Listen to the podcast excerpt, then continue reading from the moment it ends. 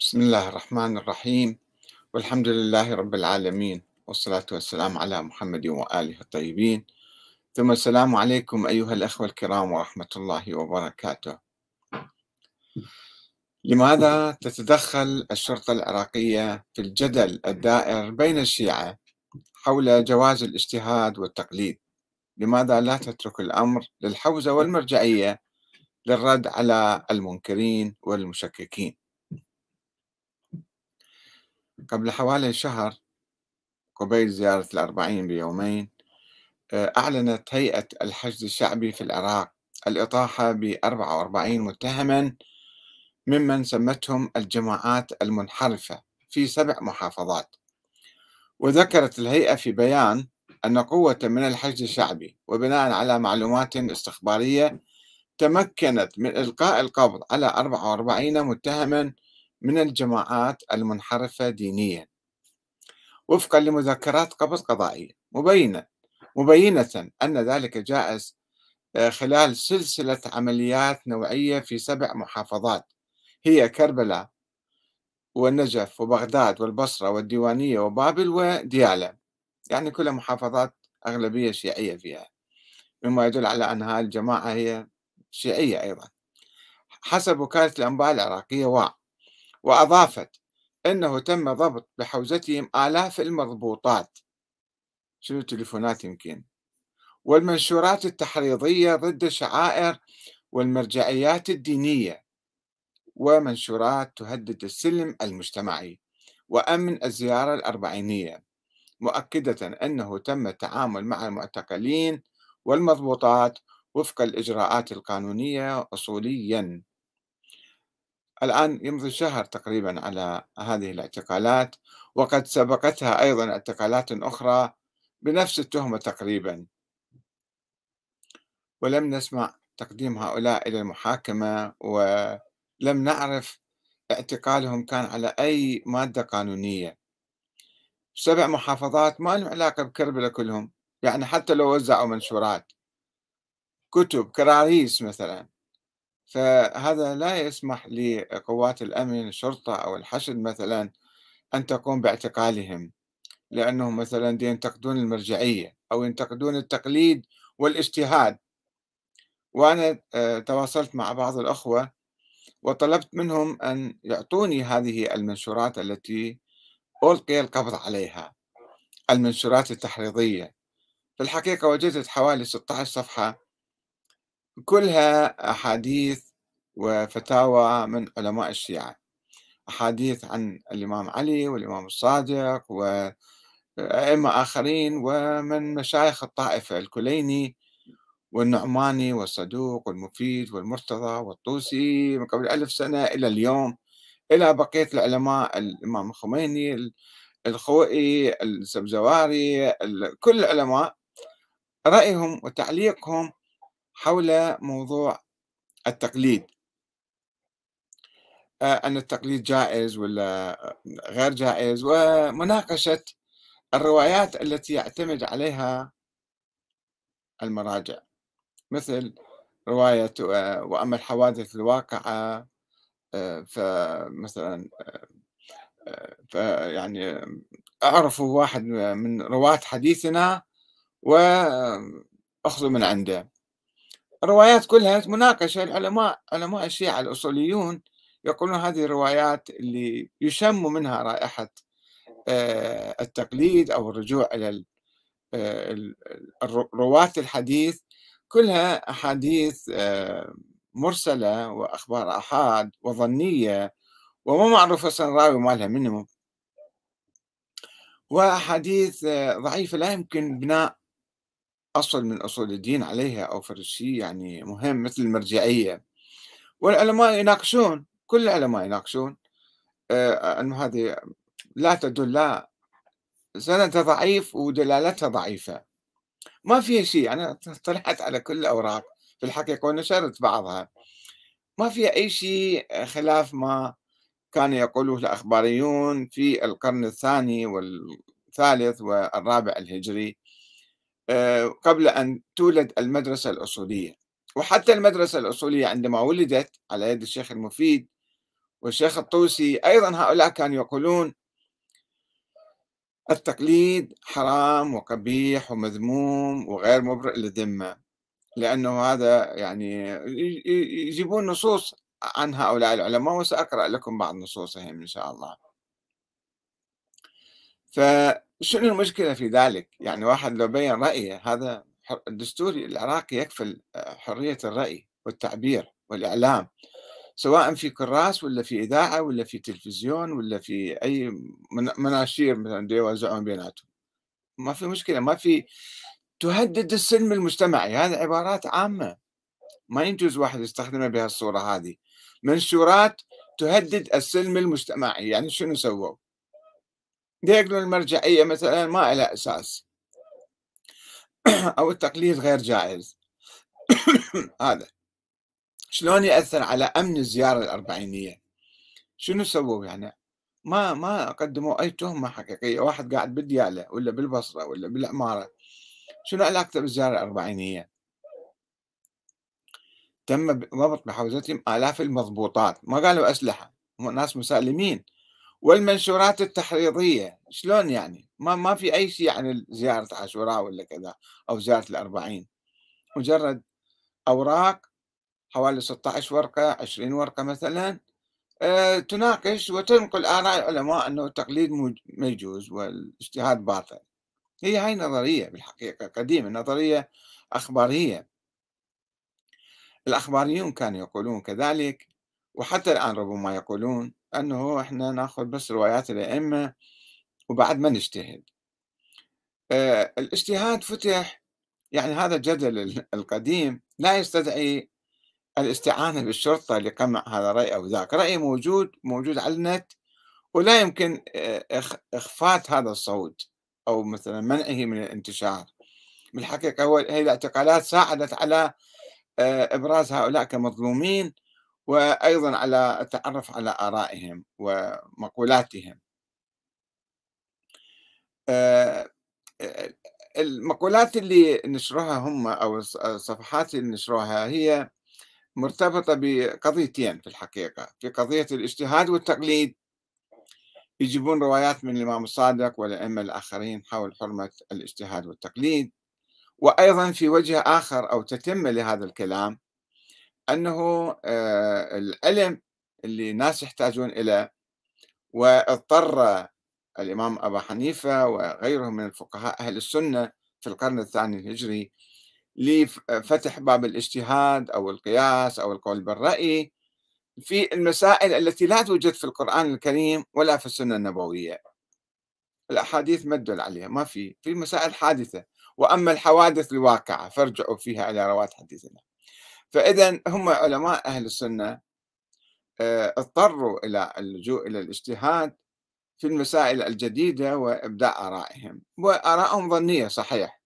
وربما لا يقولون هي آراء مثلا الله منزلها. في ذلك الوقت آه، كانت هناك نظرية الإمامة الإلهية. هاي النظرية تقول آه، فيها شقين.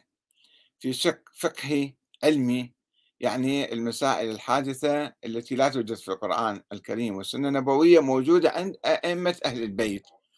وخلينا نفترض أن كلامهم صحيح أنه هذا الكلام موجود هذا العلم موجود عند الإمام الصادق أو الإمام الباقر أو بقية الأئمة. هذا جانب أو قسم من هاي النظرية. والقسم الثاني هو موضوع الإمامة. الحكم يعني. أن الحكم لمن؟ الحكم والإمامة الناس يختارون الإمام أم آه، لا الله يعين الإمام. بناء على نظرية الإمامة اللي هم هؤلاء الأخوة متشبثين فيها ويكرروها أنه الأئمة الله قد نصبهم للحكم وللإفتاء في المسائل الحادثة. ويجيبون أحاديث آه، أقرأ لكم بعضها ما يدل على يعني اتجاههم هذا الاتجاه. آه، يقول يقولون آه، قال الصادق ليس لكم أن تنصبوا إماما من قبل أنفسكم أنفسكم. تسمونه محكم بهوى أنفسكم وإرادتكم. ما يجوز أنتم تنتخبون الإمام. ثم قال ثلاثة لا يكلمهم الله ولا ينظر إليهم يوم القيامة ولا يزكيهم ولهم عذاب أليم. من أنبت شجرة لم ينبتها الله. يعني من نصب إماما لم ينصبه الله. أو من جحد من نصبه الله. الله معين واحد وأنت ما تعترف به. ومن زعم أن لهذين يعني الذي ينصب والذي يجحد. ومن زعم أن لهذين سهما في الإسلام. هذا أيضا الله وقد قال الله آه، وربك يخلق ما يشاء ويختار. ما كان لهم الخيرة. أنتم ما لكم حق. تختارون بالشورى أو بالانتخاب تختارون الإمام الذي ترونه مثلا صالح وأيضا يرون قال الصادق إن الدين وأصل الدين هو رجل وذلك الرجل هو اليقين وهو الإيمان وهو إمام أمته وأهل زمانه. فمن عرفه عرف الله ومن أنكره أنكر الله ودينه. ومن جهله جهل الله ودينه وحدوده وشرائعه بغير ذلك الإمام. يعني إذا ما اتبعت هذا الإمام. وقال الصادق أيضا يروون روايات عديدة. إياك أن تنصب أو تنصب رجلا دون الحجة غير الحجة يعني الحجة اللي الله معينة. فتصدقه في كل ما قال. وقال أيضا الإمام الصادق معرفة الله هي معرفة أهل كل زمان إمامهم الذي يجب عليهم طاعته. هاي معرفة الله. يعني الربط بين الله وبين الأئمة. واللي ما يعرف الأئمة ما راح يعرف الله. والله حاط أئمة ومعينهم وبالتالي يجي واحد مثلا يؤمن بهم فهاي النظرية نظرية الإمامة. منسوبة هالروايات اللي يوردوها هذول في التراث الشيعي يعني. في الكافي وغيره كل الروايات موجودة قديمة.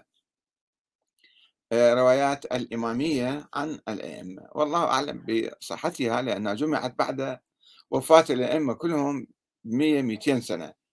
الكافي اجى في القرن الرابع والإمام الصادق كان في القرن الثاني 200 سنة فاصلة بيناتهم. كلها أخبار آحاد واحد عن واحد. أخبار آحاد فلان فلان أخبار ظنية تؤلف نظرية الإمام على أي حال. و آه، آه، تؤلف يعني حتى النظرية الاثنى عشرية بنيت على هذه الأحاديث في القرن الرابع. آه، وكان في جانب منها الموقف من الاجتهاد والتقليد.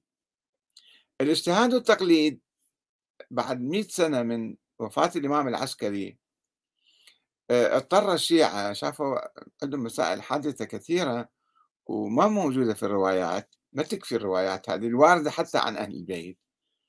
آه، ففتحوا باب الاجتهاد وقالوا نحن مضطرون لفتح باب الاجتهاد ولكنهم قالوا في نفس الوقت يحرم التقليد التقليد الأعمى. يجب على كل إنسان أن يجتهد.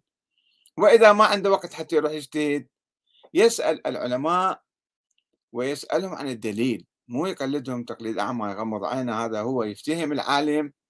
وش ما يقول هو يصير صحيح. حتى لو خالف القرآن أو خالف السنة أو خالف العقل أو خالف العلم فتاوى عجيبة غريبة تطلع من بعض العلماء وأنت لازم تقلد تقليد أعمى وتمشي وراهم. فهكذا آه، كان يقول العلماء مؤسس المذهب الاثني عشري الشيخ المفيد والشيخ الطوسي. قبل ألف سنة كانوا يقولون بحرمة الاجتهاد بحرمة التقليد. الاجتهاد أصبح جائزا وواجبا وضروريا ولكن التقليد الأعمى حرام. إحنا عبر ألف سنة نزلنا بعد أكثر بدل ما كلتنا نصبح مجتهدين وواعين ومثقفين صار لا أنه كل كل الناس لازم ما يفتهمون بس واحد يفتهم هو هذا المرجع المجتهد والبقية عليهم أن يقلدوا وإذا أنت عارضت المجتهد أو عارضت آراءه فأنت كأنك الراد عليهم كالراد علينا والراد علينا كالراد على الله يصير فبعد ذلك الاجتهاد والتقليد عند الشيعة عندما فتحوا باب الاجتهاد والتقليد آه، آه، طوروا نظرية نظرية الاجتهاد والتقليد إلى مستوى الإمامة. يعني إحنا صار 1200 سنة الشيعة الإمامية لا يوجد عندهم إمام معصوم معين من قبل الله. فقالوا فاختلقوا مذهب جديد اسمه المذهب المرجعي. المذهب المرجعي يعني نفس آه، آه، أدوار ومهمات الإمام وصلاحياته يعطوها للمرجع. هذا المرجع باعتباره فقيه باعتباره ربطه المرجعية بالإمامة أنه هذا المرجع هو نائب الإمام العام نائب الإمام المهدي الغائب اللي ما حد ما شافه.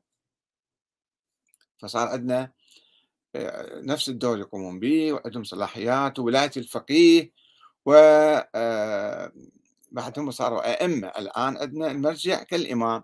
يقول أنا الحاكم الشرعي. أنا ولي أمر المسلمين في كل العالم. كما يقول السيد السيستاني. وآخرون نفس الشيء الإمام الخميني وغيره وغيره. وأنا الحاكم الشرعي باعتباري أنا نائب الإمام المهدي. فهاي سوت لنا ديكتاتورية.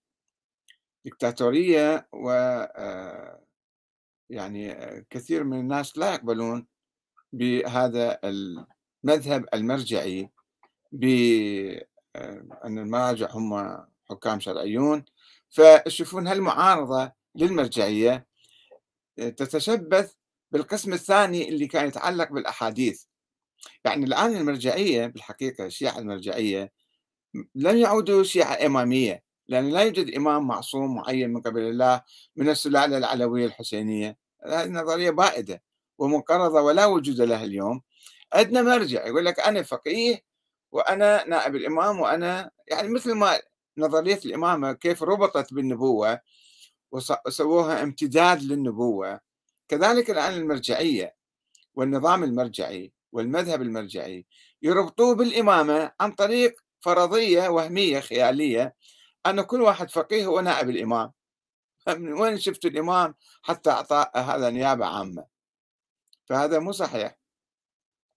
فمذهب قائم على أوهام المذهب المرجعي. ومعارضة هذا المذهب ومعارضة هذه المرجعية تضطر بعض الناس إلى فتح النقاش باب النقاش حول أساس الاجتهاد والتقليد. فهؤلاء الأخوة يستعينون بالأحاديث الواردة عن الإمام الصادق وبقية الأئمة وبقية العلماء بأن الاجتهاد غير جائز. اجتهاد أصلا من أساسه غير جائز. ثم التقليد بعد أكثر التقليد حرام. طيب هؤلاء يعني في قسم من كلامهم صحيح. يعني التقليد حرام ولكن الاجتهاد ضروري لمتابعة الحياة. لذلك الشيخ الطوسي بعد ما فتح باب الاجتهاد كتب كتاب المبسوط في الفقه يعني وسع الفقه في المسائل الحادثة الجديدة وسار على دربه بقية العلماء عبر التاريخ. الأخباريون منذ ذلك الحين منذ القرن الرابع عارضوا فتح باب الاجتهاد وظلوا يعارضون بقوة وهناك سلسلة من العلماء آه، اللي هم يعارضون آه، الاجتهاد. آه، ونصوصهم وكتبهم موجودة في النجف وقوم وكل المحوزات يعني وسائل الشيعة وغيرهم وغيرهم. والكليني نفسه هو كان أخباري وكان يرفض الاجتهاد في مقدمة كتابه. فهؤلاء الأخوة يستعينون بهذه النصوص لكي يرفضوا المرجعية يرفضوا النظام السياسي المرجعي وشرعية المراجع أنهم حكام آه، يعني على الأمة الإسلامية وهم ولاة أمر المسلمين. فهذا نوع من آه، نقد آه، هادئ تقريبا أو أو صامت لسيطرة المراجع والمرجعية. ولكن هؤلاء الأخوة أيضا يعني لا يقدمون بديلا عن المرجعية. ما هو البديل عن المرجعية؟ طيب المرجعية مريضة الآن. شو نسوي الآن؟ هل نشكل حكومة أو لا نشكل حكومة؟ اجتهاد المراجع أدى بهم عبر التاريخ وخطوة خطوة إلى القول بضرورة إقامة الدولة في عصر الغيبة. الأخباريون الأوائل الكليني والنعماني والصدوق وحتى المفيد والطوسي في القرن الرابع كانوا يقولون بعد أن افترضوا وجود إمام ثاني عشر محمد بن الحسن العسكري وهو غائب قالوا إذا يجب أن ننتظره ولا نقوم بأي حركة سياسية لا ثورة ولا حكومة ولا دولة ولا حتى أي شيء يعني مما يتعلق بأمر الدولة. أه ولكن بعد ألف سنة الشيعة علماء شافوا هذا كلام مو منطقي مو معقول. إلى متى إحنا ننتظر الإمام المهدي كما قال الإمام الخميني في كتاب الحكومة الإسلامية في محاضراته بالنجف عام 69 قال بعد يمكن آلاف السنين ما ظهر الإمام المهدي إحنا شو نسوي؟ ننام فأطلق نظرية ولاية الفقيه. وثم تطورت نظرية ولاية الفقيه إلى شوية قليل من الجمهورية والدستورية والديمقراطية امتزجت بها يعني. إلى أن في العراق المراجع حتى السيستاني وغيره قالوا يعني سووا نظام ديمقراطي نظام جمهوري وديمقراطي. طيب هؤلاء الأخوة الذين يعارضون المرجعية ما هو بديلهم؟ هل يؤمنون بإقامة الدولة الآن؟ والدولة كيف تقوم؟ على أي أساس؟ تقوم على مو مسألة علم فقط أو مسائل فقهية حتى نجتهد أو لا نجتهد. في هذه المسألة الأساسية لابد أن نجتهد. هل نحن يجب أن ننتظر الإمام المهدي أم نقوم بحركة سياسية وانتخابات وننتخب إمامنا. هذا يجوز لا ما يجوز؟ هم يروون روايات ويشبثون بالفكر الإمامي القديم. أنه مثل ما قرأت لكم قبل قليل آه، أنه آه، معرفة الله هي معرفة أهل كل زمان إمامهم الذي يجب عليهم طاعته. منه هذا الإمام اليوم؟ ما موجود هذا الإمام. إياك أن تنصب رجلا دون الحجة فتصدقه منو الآن؟ شو نسوي؟ نقعد ننتظر هكذا إلى متى ننتظر؟ فشوفوا أكو خلل عند هؤلاء أيضا أكبر من خلل المرجعية. طبعا هؤلاء أنا أشك وأنا سألتهم سألت بعض الأخوة اللي هم يتداخلون والآن عندهم تعليقات في صفحتنا على الفيسبوك. أن أنتم ماذا تقولون؟ ما هو رأيكم؟ من أنتم؟ فاللي فهمته من ردودهم ولا هم يعني يحاولون يعني يسوون تقية تقريبا. لا يقولون هم يتبعون. يبدو كما والله أعلم يتبعون آه، اليماني اللي يدعي أنه هو آه، نائب الإمام المهدي الخاص. مو ذول المراجع اللي هم نواب الإمام العامون. المراجع ما يقولون إحنا شفنا الإمام وأعطانا نيابة خاصة. لا يقولون يعني لو أي فقيه هو يصبح نائب الإمام فرضية يعني يفترضوها. هؤلاء الأصحاب اللي يسمي نفسه اليماني أحمد الحسن يقولون لا هو التقى به وقال له روح سوي جيش الغضب. جيش الغضب سوي جيش بعدين أنت سيطر على الدولة وعلى المجتمع. وكان لهم معارك في العراق واعتقالات وضربوا بالسنوات الماضية يعني. الآن يبدو فكرهم هذا قريب يعني كما قرأت هذه الأوراق الستة عشر هي آه تقريبا تميل إلى هذا الكلام أنه نعرف حاطين صورة الإمام المهدي في آخر آه صفحة. أنه معرفة آه، أهل كل زمان إمامهم. شلون نعرف هذا الإمام المهدي الغائب؟ لا شايف فيه لا عندنا علاقة وياه لا هو يتصل بينا لا يقول لنا كلام يقول لنا شيء معين. فشلون هذا؟ هل هو إمام يسموه؟ مو إمام هذا. إحنا بحاجة إلى إمام اللي هو رئيس جمهورية أو رئيس وزراء. يجب أن ننتخب هذا الإمام سواء كان فقيها أو غير فقيه. فإذا يعني العقل يضطرنا إلى مراجعة نظرية الإمامة أساسا. أنه هم الأخوة هؤلاء الذين ينشرون هذه المناشير آه، يقولون آه، بحرمة الاجتهاد والتقليد. طيب. أنتم آمنتوا بنظرية الإمامة عن أي طريق؟ نظرية الإمامة أنتم تقلدون فيها. يعني أنت قاعد تنقل لي أقوال قال الصادق قال الباكر قال فلان قال يعني أنت منين عرفت هذا كلامه وحي من الله مثلا؟ أو هو يعبر عن الدين؟ أو يعبر عن الله؟ يعني إذا إذا افترضنا صحة نسبة هذه الأقوال للإمام الصادق الإمام الباقر أو غيرهم غيرهم من الأئمة. فأول شيء لازم تسأل عن حجية هؤلاء الأشخاص الأئمة. منين جبتهم؟ كيف سويتهم؟ واحد واحد. واحد واحد لازم تبحث كيف أصبح هذا إماما؟ بأي دليل؟ بآية قرآنية؟ بحديث نبوي؟ ثابت؟ متواتر؟ قطعي؟ ولا أشياء ظنية وخيالية؟ أم بقصص وهمية إعجازية مثلا خوارق. أقترف هذا مسوى مثلا الإمام باكر ركب سوى له فيل من طين وركب عليه وراح المكة ورجع. هذا مو دليل على الإمامة. شنو دليل الإمام باكر على الإمامة؟ ما عنده أي دليل. وكذلك الإمام الصادق وكذلك بقية الأئمة. ما في لا نص ولا وصية ولا ولا يحزنون. فإذا كنتم ترفضون الاجتهاد والتقليد أساسا آه، لازم أنتم تعيدوا النظر في أساس عقيدتكم اللي بانين عليها. هذا الموقف من الاجتهاد والتقليد. وإلا مثلا يصبح أبو حنيفة مثلا هو ما كان يعترف بالإمام الصادق. ما كان يعترف به حجة. وبالتالي هو الإمام الصادق نفترض كان يقول أنا أنا عندي علم من الله. الإمام أبو حنيفة ما كان يؤمن بهالكلام. يقول له منين لك علم من الله؟ ما عندك علم من الله. وأنا أضطر أن أقوم بالاجتهاد وكذلك بقية الأئمة أئمة السنة.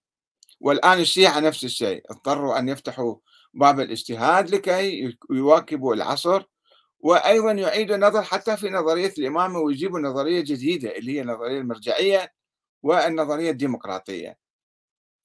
فهؤلاء الأخوة يعني فقط عندهم موقف سلبي من المرجعية ومن سيطرة المرجعية وكان آه، بعضهم مثلا لا أتهمهم كلهم كان آه، يعني يجمع السلاح ويأسس جيش اسمه جيش الغضب حتى يسيطر على البلد بصورة عسكرية. يعني ما يؤمنون بالصورة السلمية الديمقراطية والناس هم يختارون فرد واحد ويخلوا رئيس عليهم ويختاروا مجلس النواب يشرع لهم القوانين. فيبدو عليهم هم يكفرون بالدستور وبالديمقراطية وبالجمهورية وبإقامة أي دولة حتى دولة ولاية الفقيه لأنه يردون من الجذور. ولكن هم جذورهم هم واقفين على قواعد واهية وضعيفة. ويناقشون المراجع اللي هم يعني أكثر تقدما وتطورا من عندهم ويقولوا لك إحنا لازم نقيم دولة الآن مجتهدين في هذه المسألة. فهؤلاء يعبرون عن أزمة في الحقيقة. أزمة فكرية يعني لم ينضجوا أفكارهم بصورة واضحة ويعيدوا النظر بصورة جذرية في كل ما ورثوه من أفكار. الآن هذا جدل نقاش. لماذا تتدخل القوات الأمنية العراقية في اعتقالهم أنا أرفض هذا الشيء. يعني أو يعني إذا قدمتهم المحاكمة أو أطلقت سراحهم يجب أن نعرف. لا يجوز أن واحد يعتقلون إنسان لأنه مثلا يقول كلاما معينا يعبر عن رأي. بغض النظر عن أهدافه وبغض النظر عن من وراءه مثلا هذا الكلام لا يشكل جريمة قانونية حتى الشرطة أو الحشد أو أي واحد آخر يروح يعتقلهم. وهم يتهمون كما علقوا بعضهم ومجموعة كبيرة يعني آه، علقوا أنه المرجعية وراء ذلك تأمر الشرطة باعتقالنا أو بمضايقتنا أو ب... وهذا أيضا مو صحيح ولا أعرف. يقولون هم يتهمون محمد رضا بالذات ويتهمون سيد مقتدى الصدر أيضا. كما شفتوا في تعليقاتهم. ولكن أنا أشك بذلك لا أعرف ما عندنا دليل على أنه سيد الصدر أو مقت... أو محمد رضا ابن السيستاني هو الذي منزعج من هؤلاء وقال روحوا اعتقلوهم. ولكن نطالب بإطلاق سراحهم. وعلى كل إنسان عراقي وطني ملتزم بالدستور والقانون. أنه ما يجوز واحد يعتقل واحد على رأي أو على فكر أو على شيء. إذا قام بعمل عسكري هدد الأمن الوطني هدد السلم الاجتماعي كما يقولون. ممكن واحد يعني يحاسبه آه، أو يعتقله أو مثلا حسب القوانين الموجودة. فهذه أزمة في الحقيقة يعني نلخص الكلام فيها. أنقل لكم قول أحدهم اللي هو هذا أبو مصطفى اسمه أبو مصطفى أبو مصطفى. يقول والله من مصدر موثوق. أسأل ينقل والله أعلم من هذا المصدر الموثوق ومن لسان الشرطة الاتحادية والجيش. الجيش شنو دخل بالموضوع؟ يقولون إن الدولة تعلم بهؤلاء الشباب وليس لديهم أي أذى. ولكن بتحريض من محمد رضا ومقتدى الصدر على منع هؤلاء الناس المسالمين لأنهم ينشرون هذه الوريقات. آه نعم. يعني أوراق بسيطة أنا طلعت عليها كلها ما فيها شيء يعني غير أقوال العلماء عبر التاريخ وأقوال الأئمة اللي آه، يعني ما تشكل في شيء جريمة حتى يعتقلوهم. البعض ينفي يقول ذولا آه، ناس آخرين يعني أنه سبوا الصحابة. اللي يسب الصحابة أو يسب أي إنسان هاي تعتبر جريمة. ولكن أنا أنا نقلت الخبر من الحشد اللي قال ما قال سب الصحابة ولا قال شيء قال ذولا ضد المرجعية. آه نعم. طيب على أي حال نكتفي بهذا القدر والسلام عليكم ورحمة الله وبركاته.